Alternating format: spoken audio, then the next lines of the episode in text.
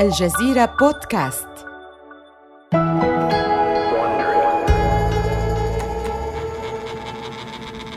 إنه ربيع عام 1956 قبل نصف ساعة من افتتاح مطعم Insta Burger King بالقرب من مطار ميامي الدولي. يشعر جيم ماكلومور وشريكه ديف إيجرتون بالإحباط والإجهاد. إنه عامهما الثاني في إدارة عدد من فروع Insta Burger King ولا تزال المبيعات راكدة. بينما يمسح ماكلومور أرضية المطعم يتجه إيجرتون إلى شواية البرجر السريعة ويضع بها بعض أقراص اللحم ليتأكد من أدائها. يحمل السير الأقراص إلى داخل الشواية ولا تمضي ثوان حتى يسمع صوتا مريعا يهتز السير ويتوقف عن الحركة فجأة وتملأ رائحة البرجر المحترق الهواء. يحمر وجه إيجرتون غضباً. إنها المرة الثالثة التي تتعطل فيها الشواية هذا الأسبوع. أيتها الخردة اللعينة! يفتح إيجرتون صندوق أدواته بغضب ويخرج فأسا صغيرة. وبحركة سريعة قوية يضرب الشواية الحديدية بالفأس. أستطيع بناء واحدة أفضل من تلك الخردة. يلتفت ماكلومور ليرى الفأس بين ركام الشواية التالفة.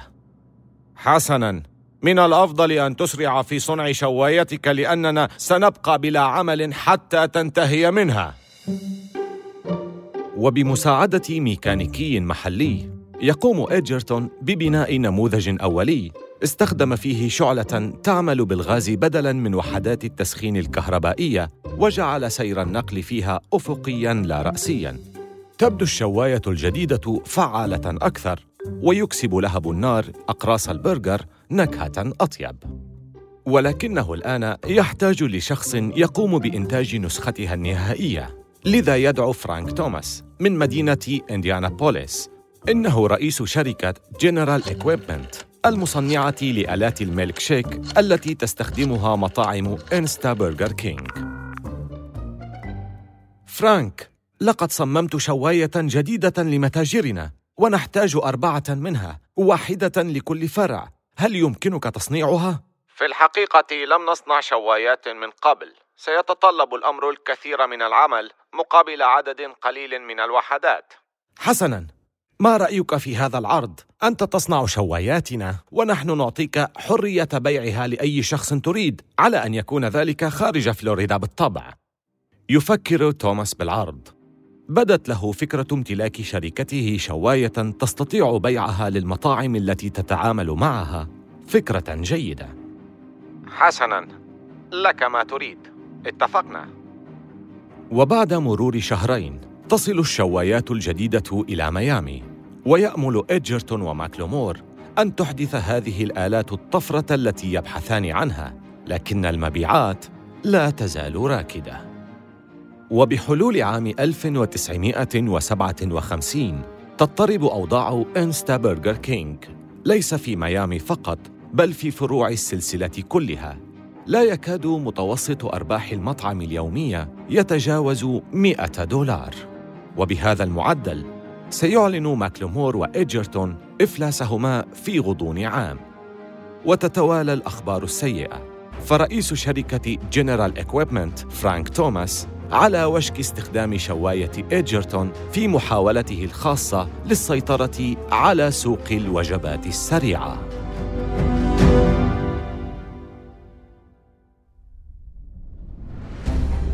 من الجزيرة بودكاست بالتعاون مع ووندري هذا بودكاست حروب الأعمال.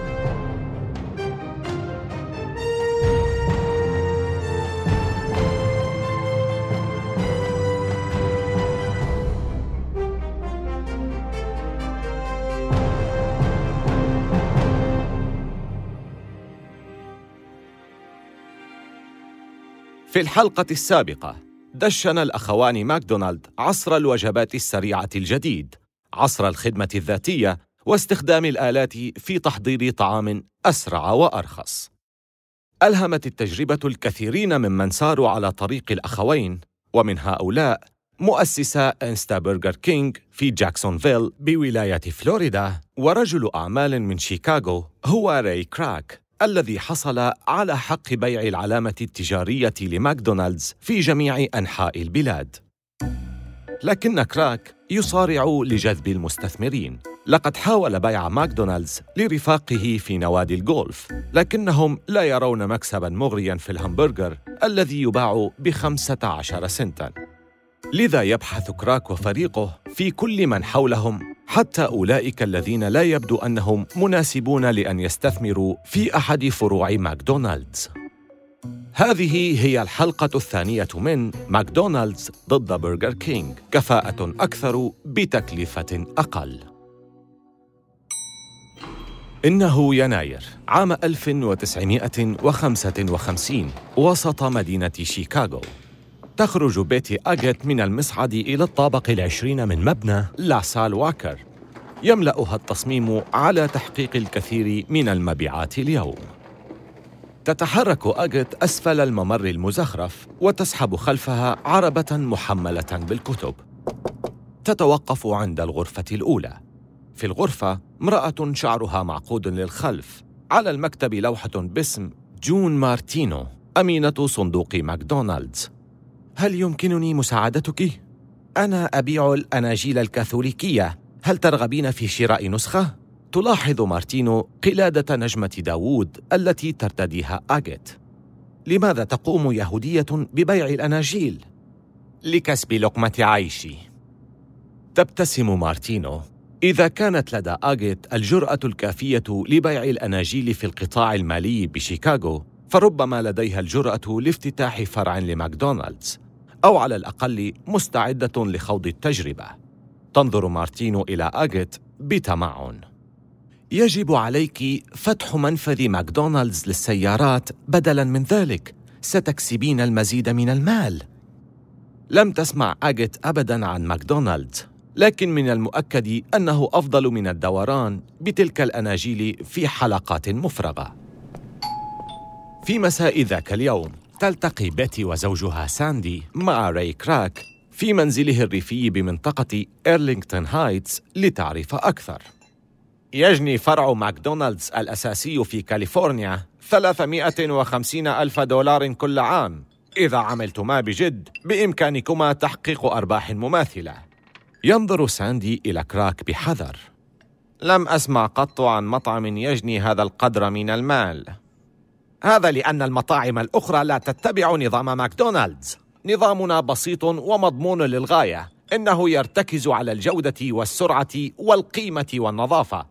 أيضا البطاطس المقلية التي نقدمها هي الأفضل ذهبية ولذيذة ومقرمشة كما أننا نمنح الامتيازات بشكل مختلف وكيف ذلك؟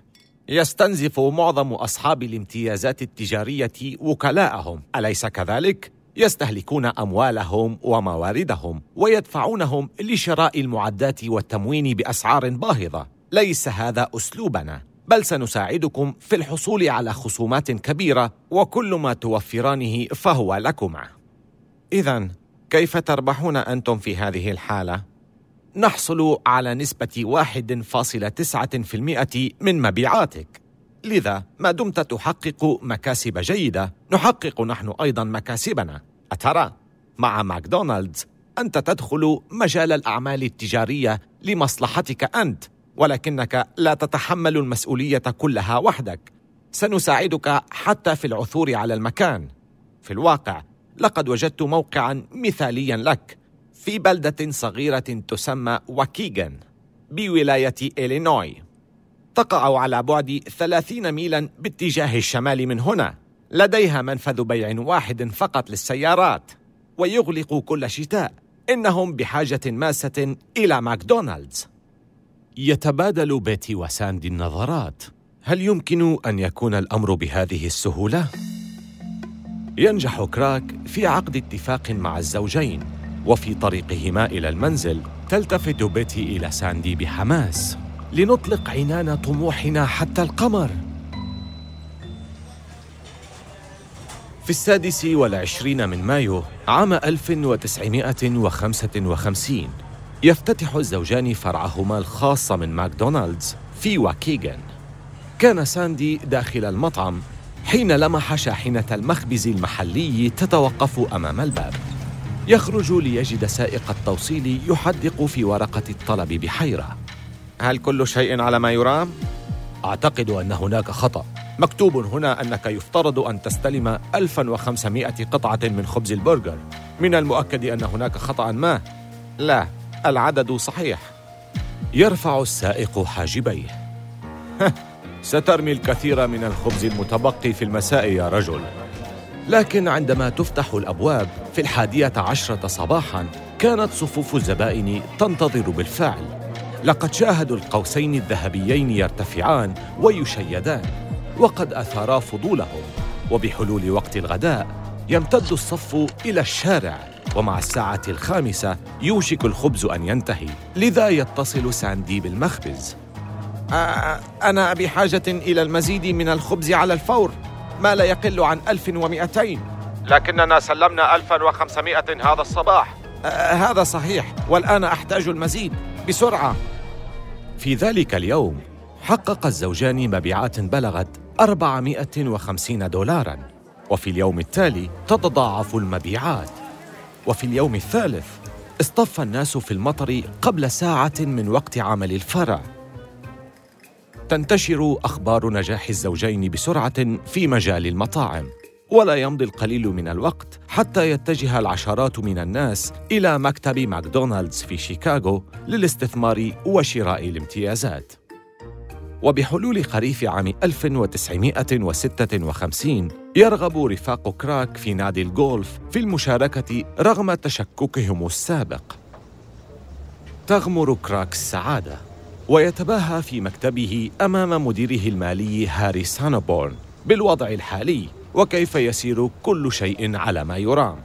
هاري نحن نقوم بالأمر على النحو الصحيح الآن. أتممت اتفاقين لمنح العلامة التجارية هذا الصباح وقريبا سيكون ماكدونالدز في كل مكان.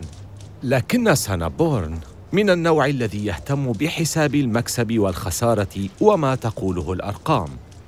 يرمق كراك بنظرة متجهمة تزيد من صرامتها قصة شعره القصيرة العسكرية. يتلاشى حماس كراك ويتوقف عن التباهي. لماذا تنظر إلي هكذا؟ نحن نقوم بعمل جيد جدا في جعل الآخرين أثرياء ولكننا بالكاد نستطيع تغطية رواتبنا. لا تقلق مع زيادة فروع ماكدونالدز سيرتفع دخلنا وكذلك تكلفة إدارة الفروع. نسبتنا الضئيلة من مبيعاتهم لن تغطي التكاليف. ينزعج كراك من سلبية سانابورن تعاقدنا مع الأخوين ماكدونالد يقول بأن هذا كل ما يمكننا الحصول عليه من أرباح أصحاب الامتيازات ولن يغيرا ذلك. فإذا كان لديك حل تفضل أخبرني به. في الواقع لدي حل بالفعل. ندخل مجال العقارات. العقارات؟ ماذا تقول؟ ما هو أكبر عائق يواجهنا مع أصحاب الفروع الجديدة في كل مرة؟ الحصول على المال لشراء الأرض وبناء المطعم. بالضبط. البنوك لا تقرضهم المال لأن المطاعم تفشل في العادة. لذا سنقوم نحن بشراء المواقع ثم نؤجرها لهم مقابل خمسة في المئة من مبيعاتهم على سبيل المثال. وهذا سيضاعف دخلنا أربع مرات. وبعد ذلك يمكننا طرد أي شخص يخالف قواعد اللعب. تعجب هذه الفكرة كراك. إنه يريد أن تقدم ماكدونالدز تجربة موحدة لعملائها في كل مكان ولكن بعض أصحاب الفروع لا يلتزمون بالقواعد. لقد ضاق ذرعا بالفعل بأصحاب الفروع الجشعين الذين يرفعون الأسعار أو يعبثون بقائمة الطعام. هل لدينا ما يكفي لشراء الأراضي؟ لا سيكون علينا اقتراض الكثير من المال. لو أن هذا هو الحال فما فائدة تلك الخطة إذن؟ على أي أساس ستقرضنا البنوك؟ نحن مفلسون لن يتم الحساب بهذه الطريقة تتعامل مصلحة. يسرح كراك بعيدا عن تفسيرات سانابون وهو يشرح بعض أسس المحاسبة الغامضة. بالنسبة لكراك فإن مجرد نماذج الميزانيات البسيطة تبدو له محيرة. فكيف مع منهج سانابورن في الشرح؟ لكنه يسمع شيئا عن تضخيم الحسابات عن طريق إدراج دخل إيجارات الغد في حسابات اليوم ودفع تكلفة بناء مطعم اليوم غدا. ما كاد يبدأ العمل عليها وسوف تعمل هذه الإجراءات معا على تحسين الميزانية العامة. الأمر الذي من شأنه أن يجعل البنوك تشعر بثقة أكبر في إقراضنا المال. هاري أنا لا أفهم أيا من طلاسم المحاسبة هذه ولكن إذا كان الأمر شرعيا دعنا نفعل ذلك. تدفع خطة سانابون للعقارات أعمال كراك للسماء. يرتفع الدخل. وتكثر القروض وتختفي العقبات المالية أمام أصحاب الفروع الجدد. ويبدأ سانابورن في تأسيس محفظة عقارية ستبلغ قيمتها خلال عقود قليلة عشرات المليارات من الدولارات. ولكن بينما تنطلق ماكدونالدز بخطى أسرع تخيم سحابة سوداء فوق إنستا برجر كينج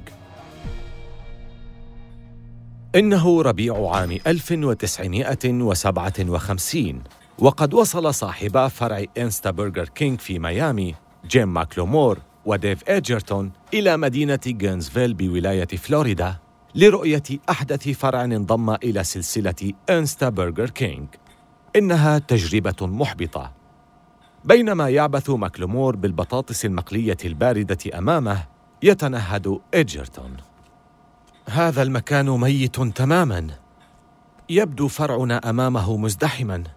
نحن هنا منذ ساعتين ولم يأتي زبون واحد. يقف ماكلومور. أنا بحاجة لأتمشى وحدي قليلا. يخرج وينظر حوله. يلحظ مكانا آخر يبيع البرجر على بعد شارعين منه ويقرر استكشافه. لكن ما وجده كان صادما. يبدو المكان كمكب نفايات. موقف السيارات مجرد طريق ترابي غير مرصوف ومحدد ببعض الصخور. باب مرحاض الرجال مخلقل وبالكاد معلق بمفصلاته والذباب في كل مكان. لكن أكثر ما يصدم ماكلومور هو الصف الطويل من العملاء. لا يمكنه تصديق الأمر. لماذا يأكلون هنا؟ بدلا من انستا برجر كينج النظيف اللامع. ينضم إلى الطابور ويشتري شطيرتي برجر بعد حصوله على طعامه يجلس ويفتح الساندويتش الأول. إنه ضخم. شريحة لحم وزنها يقارب 113 جراما. عليها طبقات من المايونيز والكاتشب والمخلل والبصل والخس والطماطم. يأخذ قضمة. إنه لذيذ. فيعود إلى إنستا برجر كينج ويعطي الساندويتش الثاني لإدجرتون جرب هذا. يأخذ إدجرتون قضمة من الساندويتش الساخن اللذيذ. هذا هو البرجر الصحيح. في طريقهما للعودة إلى ميامي يضع الشريكان الخطة. سيبيعان برجر كبيرا أيضا ويسميانه وابر للدلالة على حجمه الكبير وسيكون سعره أغلى بالطبع تسعة وثلاثين سنتا بدلا من سعر ثمانية عشر المعتاد. ولكنهما يعتقدان أن الناس ستدفع تلك التكلفة الإضافية مقابل ذلك البرجر الفائق الحجم. كما أنهما سيجعلان اسمهما أكثر بساطة وسهولة. وبعد أيام قليلة يتم استبدال لوحات المطعم القديمة في ميامي باللوحات التي تحمل الاسم الجديد برجر كينج أصل الوابر. وسريعا تمتلئ مطاعم ماكلومور وإيجرتون بالراغبين في شراء ساندويتشات وابر. يبدو أن الشريكين قد وصلا أخيرا للطريق الصحيح بفضل البرجر الفائق الحجم. لكن فرحتهما لن تدوم طويلا لأن صفقة إيجرتون مع جنرال إكويبمنت على وشك أن تهددهما.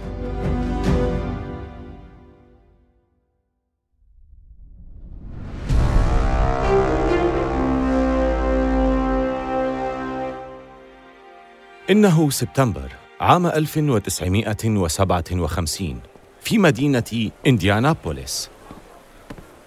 يصحب فرانك توماس رئيس شركة جنرال إكويبمنت أحد مالكي المطاعم في جولة ليريه منفذ الشركة لبيع البرجر. صحيح أن المنفذ يقدم خدماته للجمهور إلا أن الغرض الحقيقي له هو عرض ماكينات وأجهزة المطبخ التي تصنعها الشركة للمشترين المحتملين.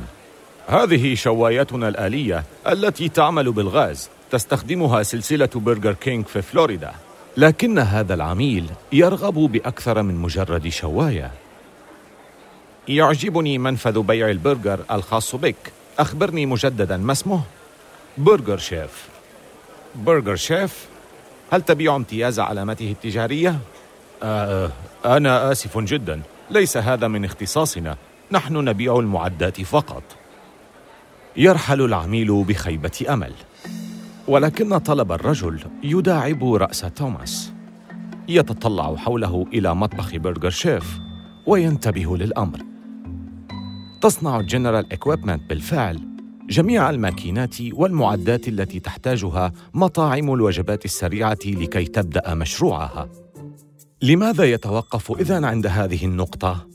كل ما يحتاجه هو العلامة التجارية ونموذج توزيع لحقوق الامتياز وحينها من الممكن أن تتفوق برجر شيف على ماكدونالدز لدى توماس ميزة إضافية فإلى جانب حصوله على نسب من أرباح المطاعم المستفيدة بالعلامة التجارية سيبيع لهم بالطبع المعدات اللازمة وفي الثالث من مايو عام 1958 يفتح أول مطعم حقيقي لبرجر شيف في إنديانابوليس وتسير الأعمال بخطوات سريعة منذ البداية. تباع سندويتشات البرجر المطهو بالغاز بسرعة مثلما تزداد طلبات الحصول على العلامة التجارية. لا يتجاوز سعر السندويتشات 15 سنتا فقط. وبحلول عام 1961 يصبح هناك 73 فرعاً من برجر شيف مما يجعلها تحتل المرتبة الثانية بين سلاسل مطاعم البرجر في الولايات المتحدة. لا تزال ماكدونالدز متقدمة بعدد فروعها البالغ 200 فرع، لكن برجر شيف تقترب من سد الفجوة سريعاً. أما بالنسبة لجيم ماكلومور وديف إيجرتون صاحبي برجر كينج فإن تقدم برجر شيف يمثل لهما مصدراً للإحباط.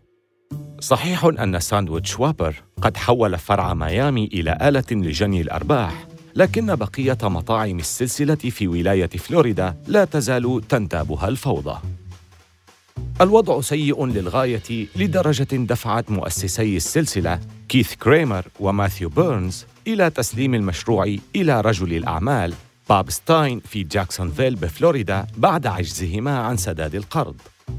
وكمالكين لعدد قليل من الفروع يعتقد ماكلومور وإيجرتون أنهما غير قادرين على فعل شيء أمام مشاكل السلسلة الكثيرة. لكن هذا على وشك أن يتغير. إنه مطلع عام 1961 ومالك برجر كينج باب ستاين قد دعا للتو ماكلومور لتناول الغداء في فندق فاونتن بلو على شاطئ ميامي. لا يكاد ماكلومور يجلس حتى يدخل ستاين صلب الموضوع. برجر كينج في حالة حرجة الآن وأنت وديف صاحبا الفروع الناجحة الوحيدة لدي. أخبرني ماذا يجب علي أن أفعل. كان ماكلومور ينتظر هذه الفرصة. أوكل إلينا إدارة المشروع. وسنقوم نحن بتطوير برجر كينج ويمكنك الحفاظ على نسبة 15% يريح ستاين ظهره إلى الوراء. لقد رأى التحول السحري الذي قام به ماكلومور وإيجرتون في ميامي. ربما هما أمله الوحيد. حسناً اتفقنا. خمسة عشر بالمئة من شيء موجود. أفضل من مئة بالمئة من لا شيء. لا تكاد الفرحة تسع ماكلومور وإيجرتون أخيراً لديهما كل ما يحتاجانه. لقد أنجزا ماكينتهما التي تعمل بالغاز ولديهما وابر. والآن تمكنا من السيطرة على سلسلة برجر كينج بأكملها. لكنهما ليسا الوحيدين اللذين تحررا من الماضي. إنه مارس عام 1961 وفي مكتبه بشيكاغو راي كراك على وشك إجراء مكالمة هاتفية حاسمة. لقد قرر أن يحاول شراء حصة الأخوين ماكدونالد. إنهما يكبحانه ولا يوافقان على التغييرات التي يريد إجراءها.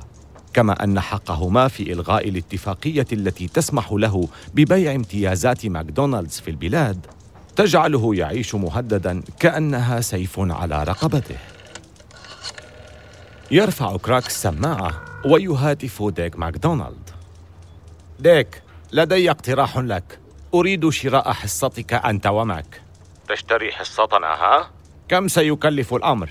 أخبرني بالسعر الذي تريده حسنا إذا أعتقد مليونين وسبعمائة ألف دولار ري ري ألا زلت معي؟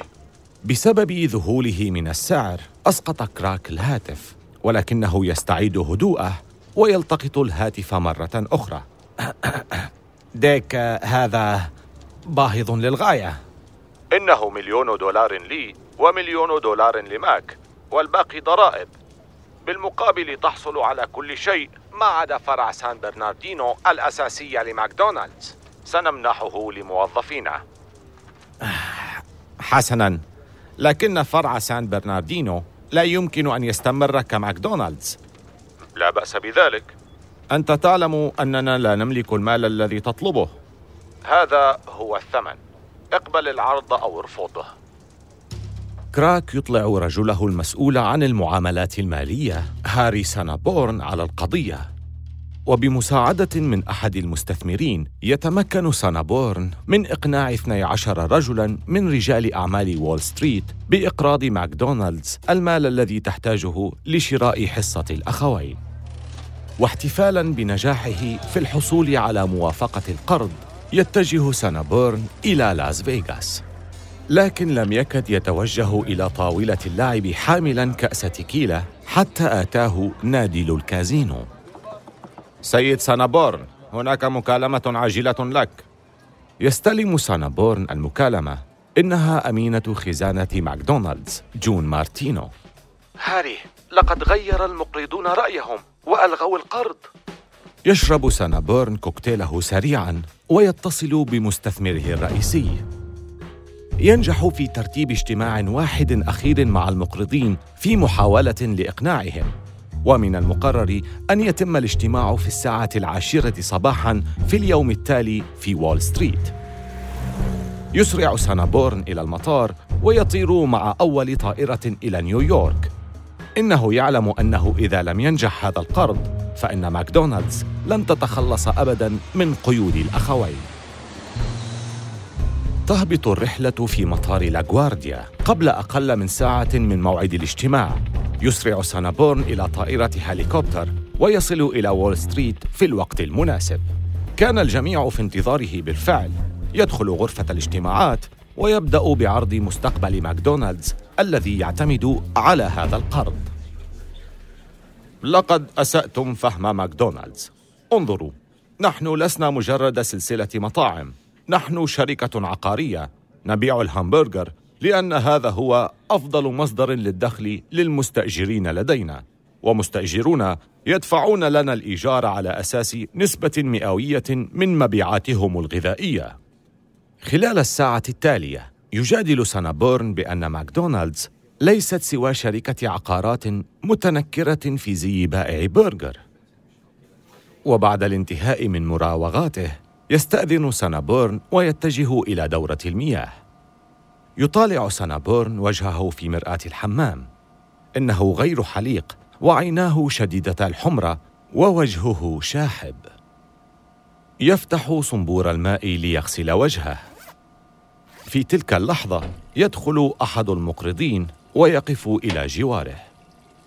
هاري لقد ناقشت قضيتك وقدمت حججا مقنعة للغاية. لقد وافقنا على القرض. في التاسع والعشرين من ديسمبر عام 1961 في سان برناردينو أي بعد 24 ساعة من توقيع الأخوين على الصفقة التي منحت كراك ملكية ماكدونالدز. كان كراك يركن سيارته عبر الشارع مقابل المطعم الرئيسي. اختفت علامة ماكدونالدز بالفعل. يحمل الآن اسم بيج إم ويملكه الموظفون السابقون للأخوين. وبينما يتأمل كراك الفرع الذي بدأ ثورة الوجبات السريعة يقترب منه رجل في بدلة رمادية. سيد كراك. نعم. أنا روبرت ويلز. سمسار عقارات. ما رأيك بهذا الموقع خلفك؟ يستدير الرجلان لمواجهة مساحة كبيرة شاغرة تقع مباشرة مقابل بيج إم يهم ويلز بالحديث لكن كراك يقاطعه لا حاجة لخطابات مندوبي المبيعات. سأشتريها. رائع. ما الذي ستفعله بها؟ سأبني فرعا لماكدونالدز. وأجعل هؤلاء الحمقى خلفنا بلا عمل.